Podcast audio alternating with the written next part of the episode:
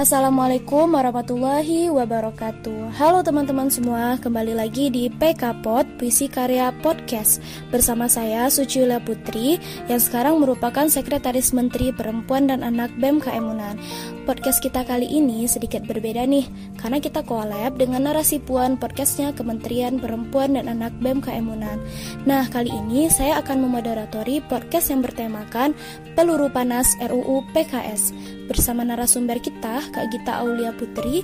Beliau adalah alumni hukum Universitas Andalas dan sekarang juga sebagai pengurus Alpin, Aliansi Perempuan Peduli Indonesia Wilayah Padang. Nah, langsung saja kita simak diskusi terkait RUU PKS bersama Kak Gita. Kepada Kak Gita dipersilahkan. Terima kasih sebelumnya kepada uh, di Suci ini udah memberikan saya kesempatan untuk uh, ngisi podcast pada laman pembahasan terkait RUU PKS uh, di kesempatan kali ini. Alhamdulillah banget uh, akhirnya kita bisa berjumpa walaupun melalui suara ya. Oke, kali ini kita mau bahas katanya terkait RUU PKS. Kenapa sih RUU PKS akhirnya mencuat lagi? Kok orang pada uh, kepo, ada gonjang-ganjing dan sebagainya. Nah, iya bener kak namun sebelum kita diskusi lebih dalam, mungkin teman-teman di sini masih ada yang belum tahu RUU PKS itu apa sih kak? Oke yang pertama aku mau bahas nih soal RUU PKS itu apa sih katanya gitu ada yang nanya RUU PKS itu adalah rancangan undang-undang penghapusan kekerasan seksual itu kepanjangannya jadi ini yang bikin RUU PKS ini draftnya itu adalah Komnas Perempuan ya teman-teman uh, Terus RUU PKS ini katanya tujuannya adalah melindungi korban. Oke, atas nama perlindungan korban adalah uh, sesuatu hal yang sangat mulia gitu. Siapa sih yang gak suka ketika korban uh, kekerasan seksual itu mendapatkan perlindungan dari negara? Gimana sih uh, caranya korban dari kejahatan atau kekerasan seksual itu uh, bisa mendapatkan jaminan hak dari negara gitu. Nah makanya kita bentuk yang namanya rancangan undang-undang begitu sih katanya. Tapi uh, setelah dipelajari nanti kita akan kupas secara tajam. Benar nggak sih tujuan dari RUPKS itu melindungi korban saja?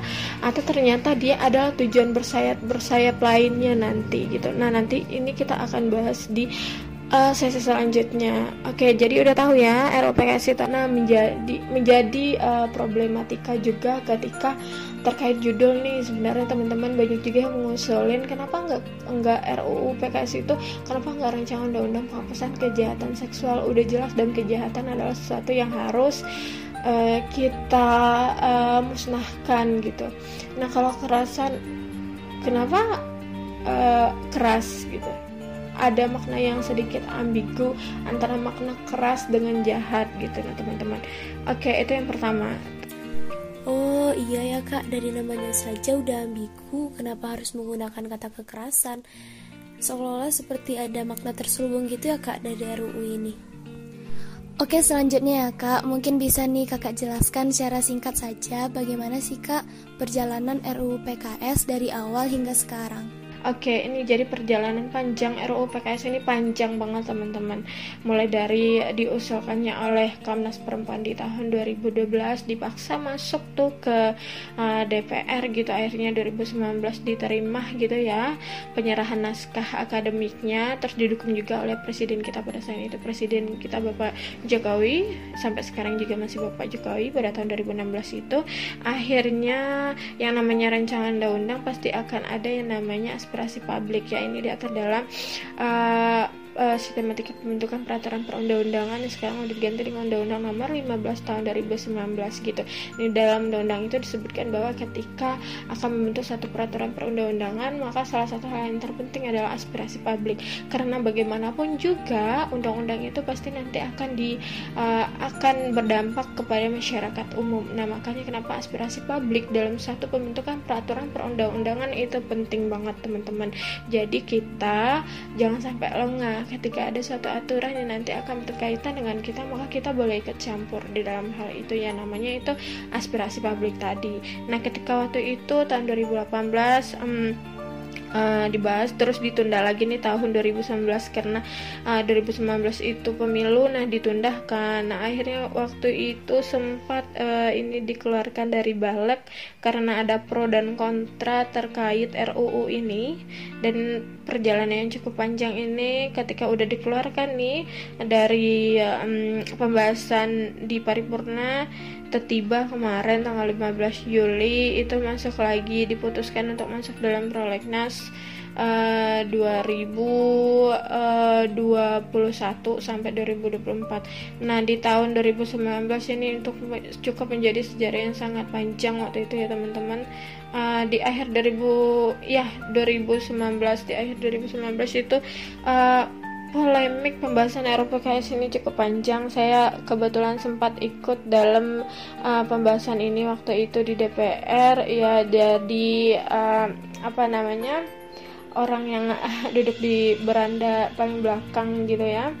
Terus jadi orang yang memasukkan usul perbaikan terkait RUU PKS ini waktu itu sama teman-teman gitu dan kita juga cepat menyampaikan aspirasi kita depan gedung uh, DPR waktu itu di Senayan teman-teman kita sampaikan keluh kesah kita ketika RPKS ini uh, nanti disahkan apa sih yang bakal terjadi gitulah apa sih kekurangan dari RPKS nah itu pernah waktu itu kita sampaikan aspirasi kita di gedung paripurna teman-teman.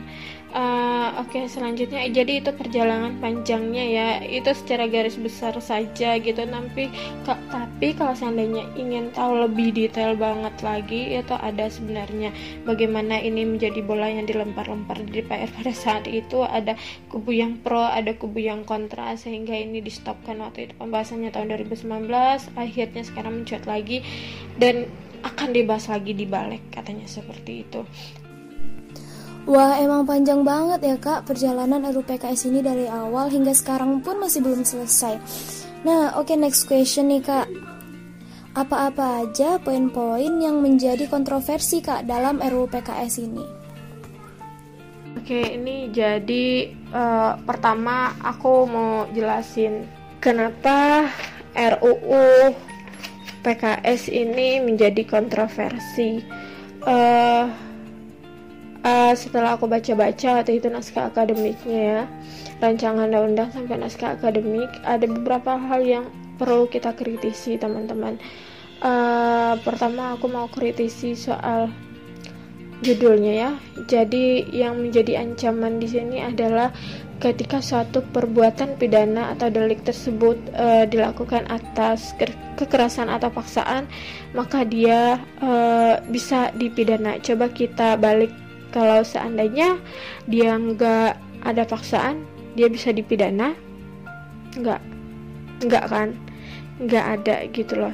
Nah ini terkait juga ketika itu saya ingat apa ya azas yang eh, kira-kira uh, cocok dengan uh, azas kebalikan ini ternyata ada sebuah azas uh, azas hukum namanya azas a contrario.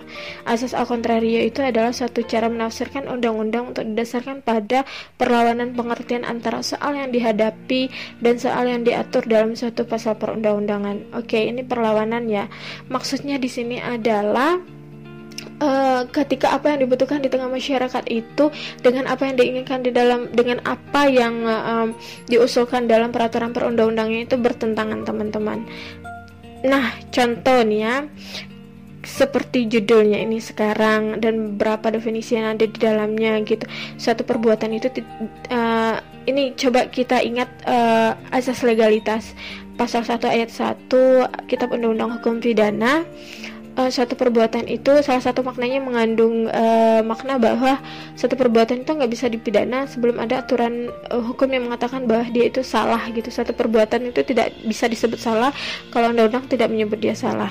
Nah sekarang LGBT di Indonesia secara legitimasi secara legitimasi hukum itu tidak dinyatakan salah dan juga tidak dinyatakan benar gitu. Nah, ini yang menjadi permasalahan sebenarnya dalam RUU ini secara konseptual aja ini udah salah banget gitu. Menyalahi asas hukum yang ada gitu loh. Ketika satu perbuatan tahu banget ya ketika orang melakukan satu perbuatan penyimpangan seksual kayak LGBT itu mereka bukan atas dasar suka nggak suka tapi karena suka sama suka gitu nah di sana ada perbuatan seksual benar ya nah ada perbuatan seksual tetapi mereka bukan atas paksaan, sedangkan RU ini cuma mengatur uh, kejahatan seksual yang itu ketika adanya paksaan maka dia bisa dipidana. Nah, kita dapat satu kuncinya ketika suatu perbuatan itu uh, ada paksaan, perbuatan seksual yang mengandung paksaan. Bagaimana dengan mereka yang melakukan perbuatan seksual yang menyimpang tapi itu uh, tanpa paksaan kayak LGBT? yang nggak bisa nggak bisa dipidana sedangkan aturan hukum yang lain juga tidak mengatur terkait ini gitu aturan hukum kita secara legitimasi atau hukum positif belum ada mengatur terkait LGBT yang secara serta merta dilarang. Oh LGBT ini dilarang dalam KUHP nggak ada, dalam undang-undang kesehatan nggak ada gitu. Nah makanya kenapa ini kita bilang ada bau-bau liberal. Saya nggak uh, ini ya uh, biarkan ada yang marah atau tersinggung terserah. Karena kita memberikan sebuah statement as, uh, berdasarkan ilmu kita analisa kita jadi kita nggak sembarangan gitu. Uh, coba lihat dari pasal 1 ayat 1 KUHP teman-teman kalau pengen penasaran lagi boleh itu di searching nanti ya. Apa sih itu asas kontrario benar nggak seperti apa yang aku sampaikan gitu? Terus uh, asas legalitas benar nggak? Kayak gitu gitu loh. Nah jadi seakan-akan ini ada menapik apa yang terjadi itu dengan apa yang diinginkan dalam undang-undang. Beda banget gitu loh. Nah satu perbuatan seksual hanya bisa dipidana ketika ada paksaan ketika tidak bagaimana Nah, ini yang menjadi per permasalahan awal dari RUU PKS ini gitu loh. Terus selanjutnya teman-teman uh, ada poin lain lagi gitu. Terkait uh, ini aku sebenarnya mau bahas nanti ini sebenarnya arah dari RUU PKS itu ke mana sih gitu. Jadi dari sini nanti kita bisa mengambil suatu kesimpulan atau analisa bersama nih misalnya nih ya dalam RUU PKS nih aku mau bahas terkait arah RUU PKS ini sebenarnya gimana sih? Jadi dari sini nanti teman-teman bisa nemu nih poinnya mana sih gitu loh nih ya ROPKS ini udah lama nih mengalami yang namanya pro dan kontra yang cukup panjang. Tadi udah aku ceritain misal kayak judul banyak kalian mengusulkan ganti tema misal kayak kekerasan seksual menjadi kejahatan seksual aja gitu. Pro kontra ini disebabkan oleh kegagalan para pengusung RUPKS dalam menyajikan sebuah RUU bernafas Pancasila dan tidak sesuai dengan kebutuhan rakyat Indonesia. Nah tadi aku udah kaitin dengan asas kontrario ya teman-teman. Jadi antara apa yang dibutuhkan dengan apa yang dimasukin dalam norma yang diinginkan itu enggak sinkron gitu loh Terus RUPKS juga dianggap kurang selaras bahkan tumpang tindih dengan KUHP. Ten dia tumpang tindih dengan Kitab Undang-Undang Hukum Pidana. Belum lagi definisi kekerasan seksual dalam RUPKS yang multi tafsir dan bermasalah. Betapa tidak dari definisi tersebut bukan hanya problem normatif yang menyeruak, tapi ada problem ideologis sehingga tidak heran muncul berbagai penolakan di seluruh wilayah Indonesia. Oke, dengan teks yang begitu panjang, pemahaman definisi kekerasan seksual justru ternyata menjadi lebih sulit dipahami kekerasan seksual adalah uh, ya jadi pasal 1 ayat 1 RUPKS ini menjelaskan bahwa kekerasan seksual adalah setiap perbuatan merendahkan, menghina, menyerang dan atau perbuatan lainnya terhadap tubuh, hasrat seksual seseorang dan atau fungsi reproduksi secara paksa bertentangan dengan kehendak seseorang yang menyebabkan seseorang itu tidak mampu memberikan persetujuan dalam keadaan bebas karena ketimpangan relasi kuasa dan atau relasi gender yang berakibat atau dapat berakibat penderitaan atau kesengsaraan secara fisik, psikis, seksual, kecurigaan atau kerugian secara uh, ekonomi, sosial, budaya dan atau politik. Oke, okay, nih kita mau ngaji soal problem normatif ideologisnya gimana sih gitu. Nah, sejumlah problem normatif mulai terbaca di bagian awal definisi, sebab ditemukan kata-kata yang ambigu berkenaan dengan unsur-unsur tindakan kekerasan seksual. Buktinya, kata merendahkan, menghina, dua kata yang sebenarnya memiliki arti yang sama. Menghina bisa dimaknai merendahkan, begitupun sebaliknya. Nah, dalam KBB ini ya, tahun 2007 Entah apa maksud disandingkannya dua kata tersebut secara bersamaan. Penggunaannya malah terkesan mubazir dan menimbulkan miskonsepsi. Hal yang justru tidak sejalan dengan asas kejelasan rumusan sebagaimana yang dimaksud dalam pasal 5 huruf F Undang-Undang Nomor 12 Tahun 2011 tentang pembentukan peraturan perundang-undangan. Jadi undang-undang ini udah diganti ya dengan undang baru tuh Undang-Undang Nomor 15 Tahun 2019 ya. Terus dengan menggunakan rumusan tersebut perbuatan merendam menghina terhadap tubuh, hasrat seksual, fungsi reproduksi se seolah bisa diartikan suka hati tanpa ukuran-ukuran yang jelas. Terus belum lagi dengan norma yang tumpang tindih. Indikasinya ada frase perbuatan lainnya yang jika dicermati sebenarnya bertabrakan dengan pasal 11 tentang bentuk kekerasan seksual. Intinya pengguna frase tersebut dapat menyebabkan pemaknaan bentuk-bentuk kekerasan seksual yang telah diatur secara limitatif dalam pasal 11 menjadi luas tanpa batas. Sebab tidak ada interpretasi yang jelas mengenai perbuatan apa saja yang dapat dikategorikan sebagai perbuatan lainnya. Nah ini nggak jelas nih ya teman-teman. Yang namanya undang-undang itu kita harus jelas biar nggak multitask tafsir dan meribetkan penegak hukum dalam menjalankan tugasnya. Oke, sehingga sifat ini menjadi sangat subjektif. Apa pun bisa digolongkan sebagai tindakan kekerasan seksual. Cakanya dalam pasal 11 perilaku perilaku seksual dilarang diancam dalam dengan pidana banyak mengandung substansi yang kabur. Misalnya nih ya, aborsi secara paksa yang jika dimaknai sebaliknya bisa dianggap legal. Jadi kalau aborsi yang nggak pasangan boleh dong. Ini mau bazir banget nih ya. Padahal kalau nggak disebutin juga di sini aborsi secara paksa, jadi ada makna lain. Oh jadi aborsi secara sukarela orang boleh dong kalau kita cuma melihat di undang dalam RU ini. Tapi padahal sebenarnya dalam undang-undang kesehatan tuh tahu nggak sih aborsi ini udah diatur gitu loh. Jadi padahal aborsi dalam keadaan terpaksa maupun tidak yang bukan didasari pertimbangan medis merupakan kejahatan sebagaimana yang diatur dalam Undang-Undang Nomor 36 tahun 2009, 2009 tentang kesehatan. Jadi ini udah ada aborsi ini kenapa aborsi itu dibolehkan ketika ada pertimbangan medis ya dibolehkan ketika nggak ada pertimbangan medis yang berkaitan dengan nyawa seseorang yang tersebut ibu tersebut ya ngapain aborsi. Jadi ini kayak mau bazir banget gitu loh. Jadi udah tahu kan jadi kayak kesannya RUPKS ini dibikin tanpa melihat aturan hukum yang telah ada gitu. Aturan hukum yang lebih tinggi harusnya kita melihat ah, kepada aturan hukum yang lain. Jadi kayak semacam kita menuai lagi nih kontroversi. Ini sebenarnya RUPKS ini berasal dari mana sih gitu? Kok tiba-tiba masuk kayak gitu dengan tidak membandingkan dengan norma hukum yang lain yang udah ada gitu? Ketahuan banget gitu lah ini dasar da datangnya dari negara mana sih gitu?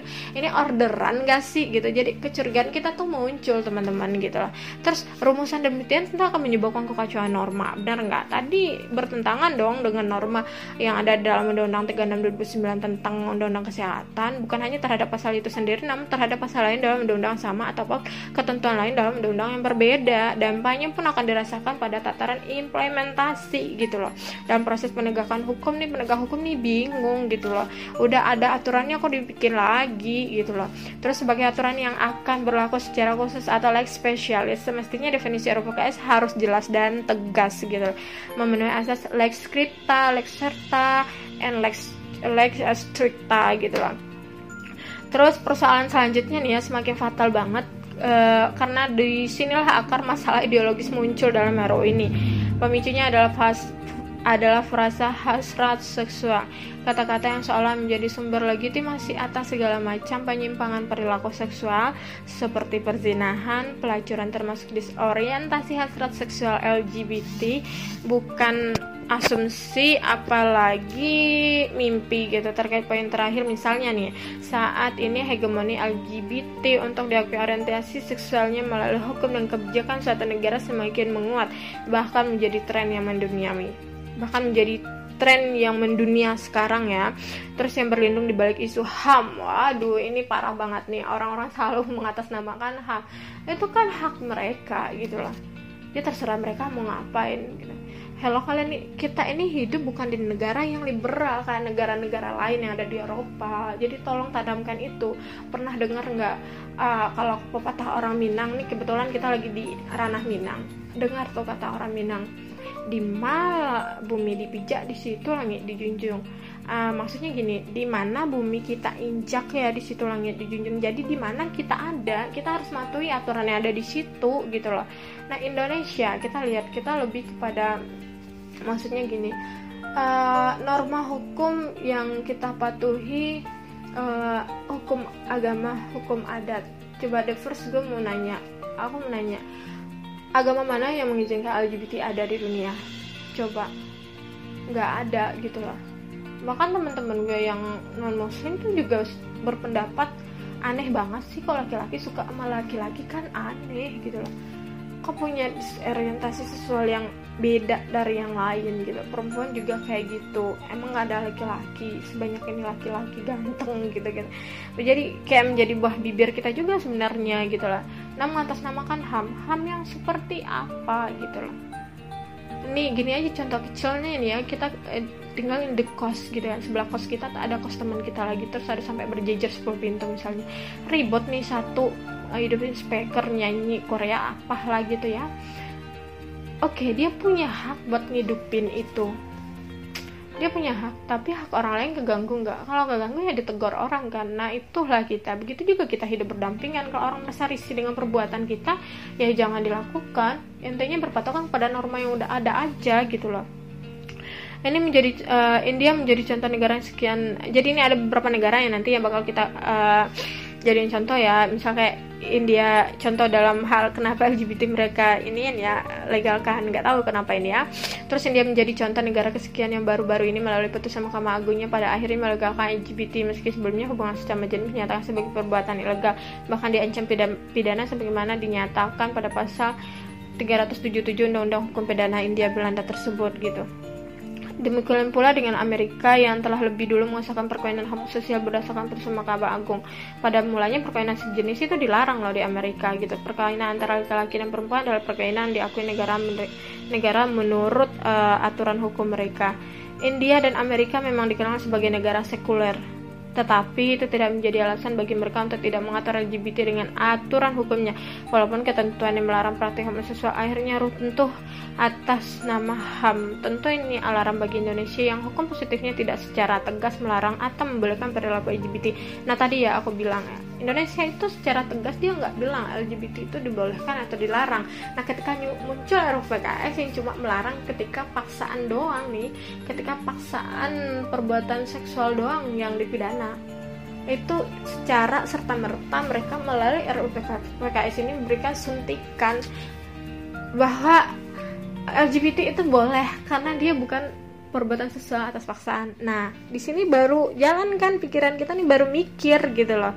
Indonesia tuh emang nggak ada gitu loh ngatur secara legitimasi itu LGBT itu dilarang apa dibolehin sih. Jadi mereka kayak masuk kayak mengelabui kita melalui RPKS ini dengan bahasa lain tapi tujuannya itu maksudnya itu gitu loh.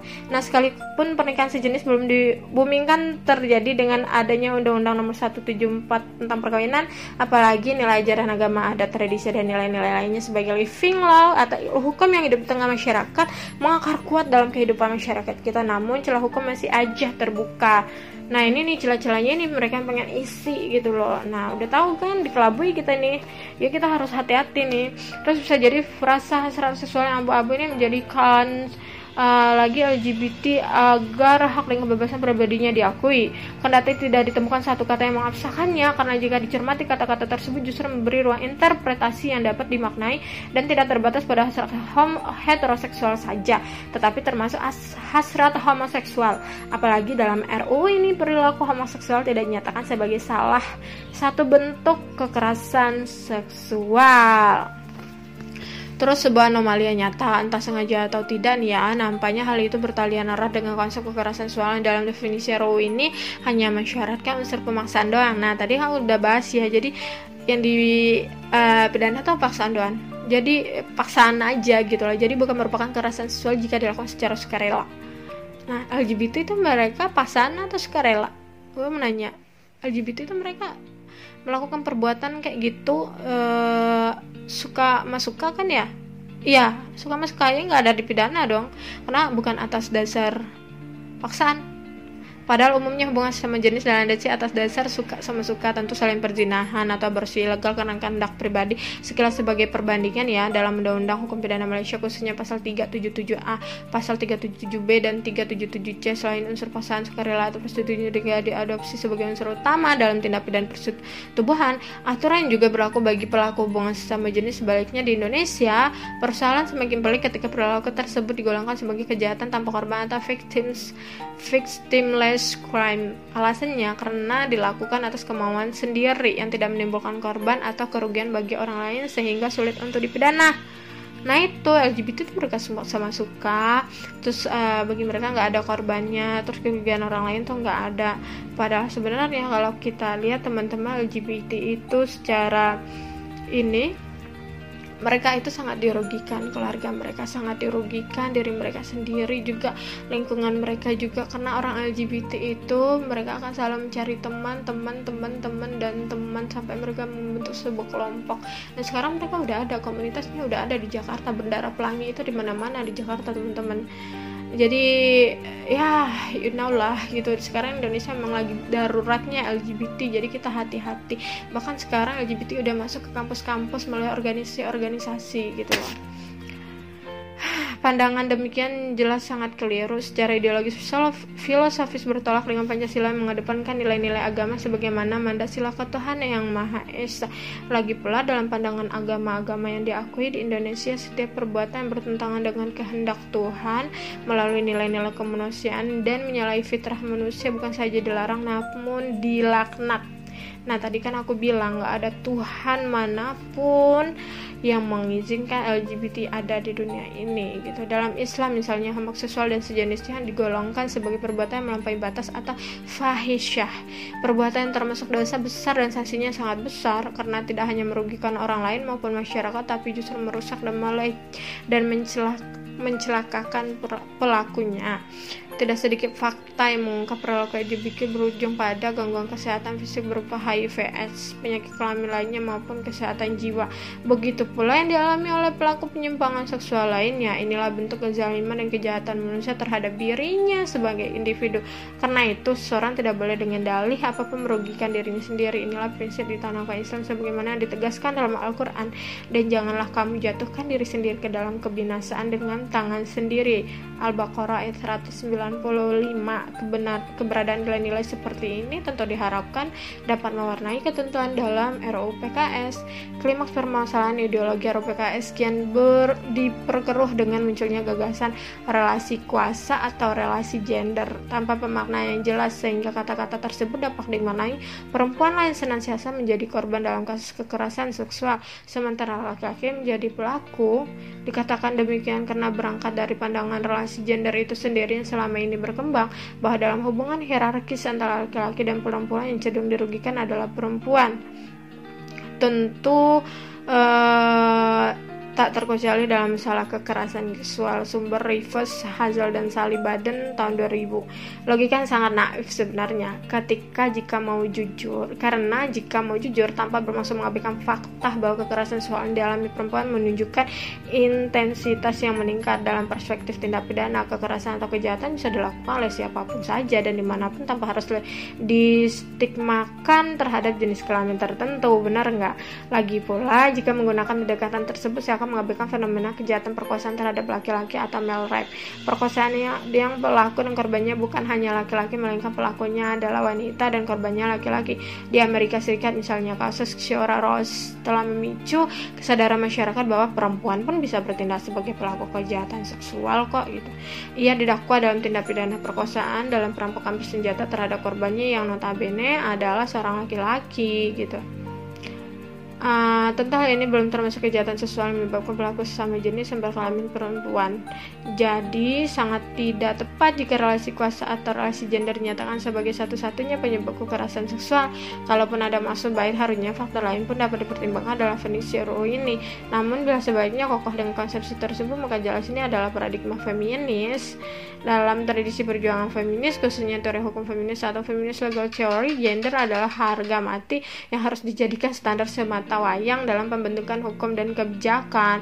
Mereka lazimnya akan bersikap a priori dan konfrontatif terhadap tatanan atau struktur tertentu yang identik dengan sistem patriarki apalagi jika tatanan itu dijadikan dasar acuan dalam peraturan perundang-undangan. Karena dalam alam pikir mereka uh, ada, karena dalam alam pikir feminis itu sendiri sistem patriarki yang dijustifikasi oleh nilai-nilai sosial budaya dan agama justru melanggengkan kekuasaan laki-laki atas perempuan.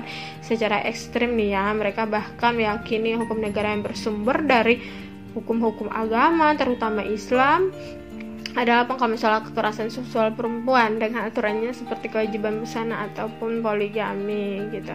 Nah, Meskipun ada wacana nih ya definisi kekerasan seksual ini akan dihilangkan dari draft RUU PKS, namun sayangnya unsur unsur pidana maupun bentuk-bentuk kekerasan seksual yang muncul di pasal 11 tidak mengalami perubahan dan tetap diberikan sesuai dengan tafsiran definisi kekerasan seksual yang bermasalah itu.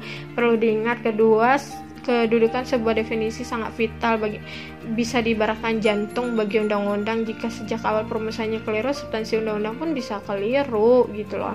Nah misalnya nih ya hal ini pernah terjadi dulu ketika seluruh uh, materi undang-undang uh, nomor 17 tahun 2012 tentang perkoperasian dibatalkan berlakuannya oleh Mahkamah Konstitusi karena definisinya berjiwa korporasi menghantam prinsip ekonomi kerakyatan di Undang-Undang 45 oleh karena itu jika misalnya berbagai pihak terkait definisi ini tidak dikomendasi oleh pihak pengusaha PKS maka tentunya tidak sulit memahami ke mana arah PKS hendak dibawa gitu loh. Jadi teman-teman ini ya tadi aku baca uh, sedikit artikel dan aku menjabarkan gitu Nah itu ada beberapa poin yang akhirnya kita memenuhi kecurigaan terhadap RUU PKS terkait konsepnya yang belum matang, terkait definisinya, tapi dengan uh, uh, contoh-contohnya nggak diganti gitu. Jadi kemarin itu banyak uh, masukan terkait RUU PKS ini ganti judul terus bentuk-bentuk tindak pidananya diganti.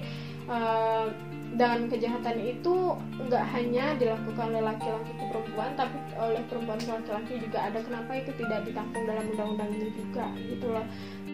Dan di sini kenapa cuma kekerasan seksual yang menjadi hal dipidana hanya kekerasan saja? Bagaimana jika mereka suka sama suka yang melakukan satu hubungan seksual misalnya kayak LGBT nah di dalam rancangan undang-undang ini tidak diatur demikian kawan-kawan gitu. Terus kayak paksaan aborsi gitu. Kenapa ya paksaan padahal nggak pun diatur di sini terkait paksaan seksual gitu ya. Eh, paksaan nah, aborsi undang-undang kesehatan juga udah ngaturnya. Kenapa seseorang boleh diaborsi itu harus ada pertimbangan medis gitu loh. Nah kita nggak boleh sembarangan dalam sebuah rancangan undang-undang teman-teman uh, itu yang menjadi beberapa konsep yang kontroversi dalam RUU PKS Nah itu teman-teman, begitu banyak kontroversi yang ada pada RUU PKS ini. Mulai dari judulnya, definisi dari kekerasan seksual tersebut Hingga pasal-pasal yang ada pada RUU PKS ini. Oke next ya kak. Jadi sebenarnya apakah RUU PKS ini merupakan solusi untuk mencegah kejahatan seksual atau bagaimana kak? Jadi di satu sisi uh, hmm, benar paksaan seksual itu uh, menjadi sesuatu yang dilarang. Kayak perkosaan gitu dalam KUHP kan udah diatur juga misalnya gitu.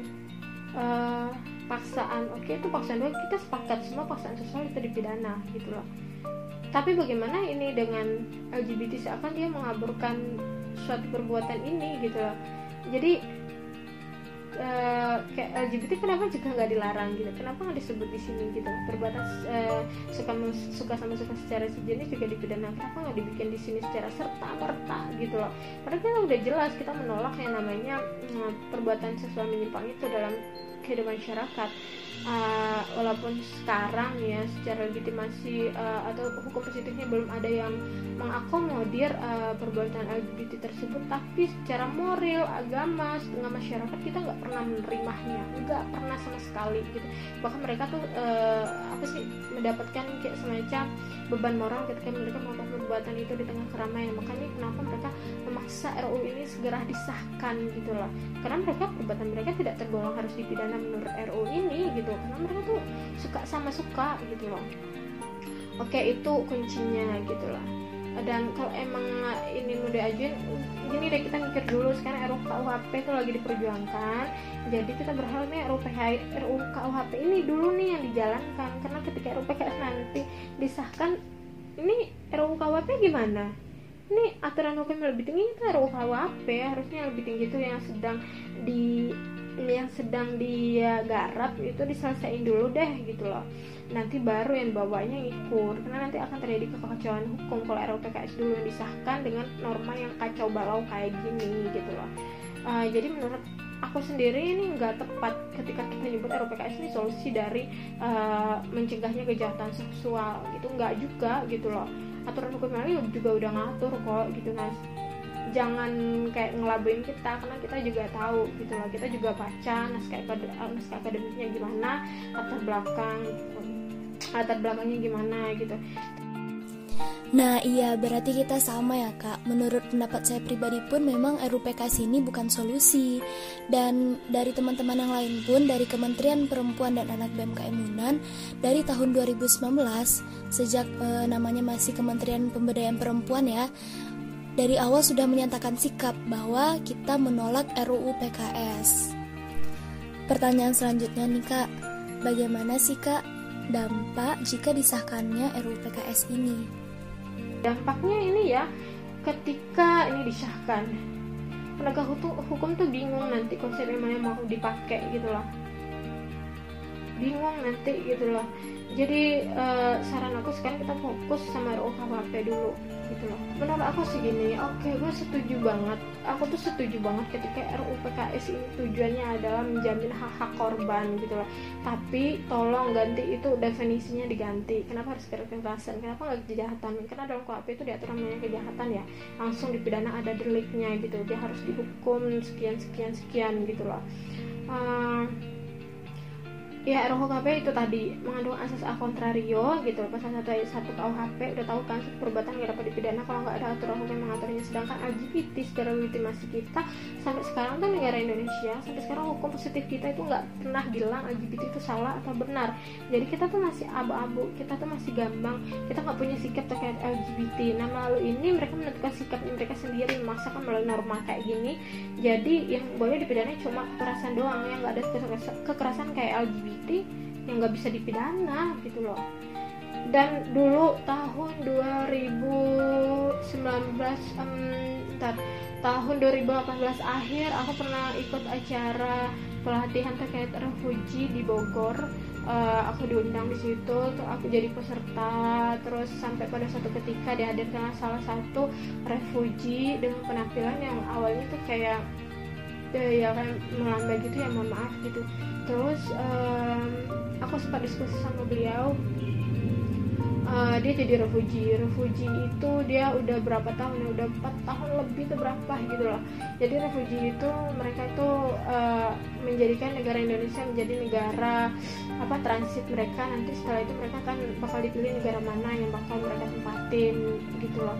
Nah Eh, secara konsep HAM kita sebagai negara Indonesia sebagai sebuah negara yang udah masuk dengan uh, join dengan PBB yang menjamin namanya HAM jadi kita nggak boleh nolak uh, orang lain meskipun mereka tanpa warga kewarganegaraan makanya uh, refugi itu diterima di sini. Dan waktu itu kebetulan aku dapat uh, uh, refugi yang ternyata mereka sangat mendukung yang namanya LGBT gitu loh. Uh, aku nanya why you why you why you stay uh, at Indonesia until now gitu? Ngapain sih kamu uh, stay di Indonesia sekarang? Apa sih yang bikin kamu betah kata aku? Uh, uh, terus dia jawab I want in Indonesia have a regulation about uh, uh, how uh, uh, we have legal legalization about LGBT jadi mereka pengen uh, kami pengen di Indonesia ini ada sebuah aturan hukum yang nanti melegitimasi yang mesahkan bagaimana perbuatan kami itu disahkan dan benarkan Indonesia what? Uh, kaget dong gitu loh. Orang udah jadi pendatang gitu ya. Udah dibantuin di sini terus tiba-tiba punya mau yang khusus banget gitu loh. Uh, tujuannya biar mereka nggak didiskriminasi lagi gitu. Dan aku kasih tahu tempatnya tepatnya kalau di Jakarta tuh di Kalibata guys. Di tempatnya banget. Jadi mereka sendiri ngasih tahu gua tempatnya mereka kumpul-kumpul sering di situ mbak katanya gitu. Oh itu katanya. Akhirnya besok gua mati tempat itu. Oh iya benar gitu ya. Tempat-tempat yang kayak gitu gitu. Jadi mereka bikin semua komunitas juga di situ. Uh, tempatnya tuh jadi hati-hati teman-teman yang mau ke sana gitu ya. Uh, jadi mereka emang menginginkan ya teman-teman kita jujur jujur aja. Bahkan banyak sekarang lembaga institusi uh, yang bahkan banyak sekarang lembaga yang juga memberikan donasinya untuk pergerakan uh, seksual yang satu ini teman-teman. Jadi kita juga kudu hati-hati juga nih pakai produk dari siapa sih gitu lah. Jangan sampai nanti kita ikut campur dalam uh, gitu. Jadi itu ya teman-teman pandangan aku lebih baik uh, eh, RUU PKS ini udah deh nggak usah deh gitu loh. Undang-undang lain tuh udah ngatur kok gitu loh. Jadi kita cuma masukin nanti beberapa norma dalam RUU KUHP ya kan? Apa sih norma yang kurang gitu loh? Kita masukin bareng. Mending ngaji itu aja deh gitu loh. Kita juga bakal ngurangin kayak budget negara lah nanti gitu loh. Serius loh ini kita harus berpikir kayak visioner ke depan ini bermanfaat sih kalau menurut aku setelah dikaji-kaji sampai naskah akademik sampai kejadian di tengah masyarakat. Dan satu lagi ketika orang LGBT tau nggak yang menjadi permasalahan mereka sebenarnya adalah secara coba kita uh, interview mereka bahasa hati ke hati rata-rata orang yang menjadi korban ini adalah orang yang kayak misal broken home terus patah hati putus cinta gitu ya sama pasangan. Akhirnya dapat teman yang nyaman sama jenis gitu ya akhirnya nyaman. Ya kayak gitu loh jadinya bablas gitu lah. Jadi jangan terlalu memberikan kenyamanan ya nggak baik juga ternyata. Wah, memang besar ya dampak jika disahkannya RUU PKS ini, termasuk semakin maraknya LGBT, perzinaan, dan lain-lain. Nah, tibalah di penghujung podcast kita.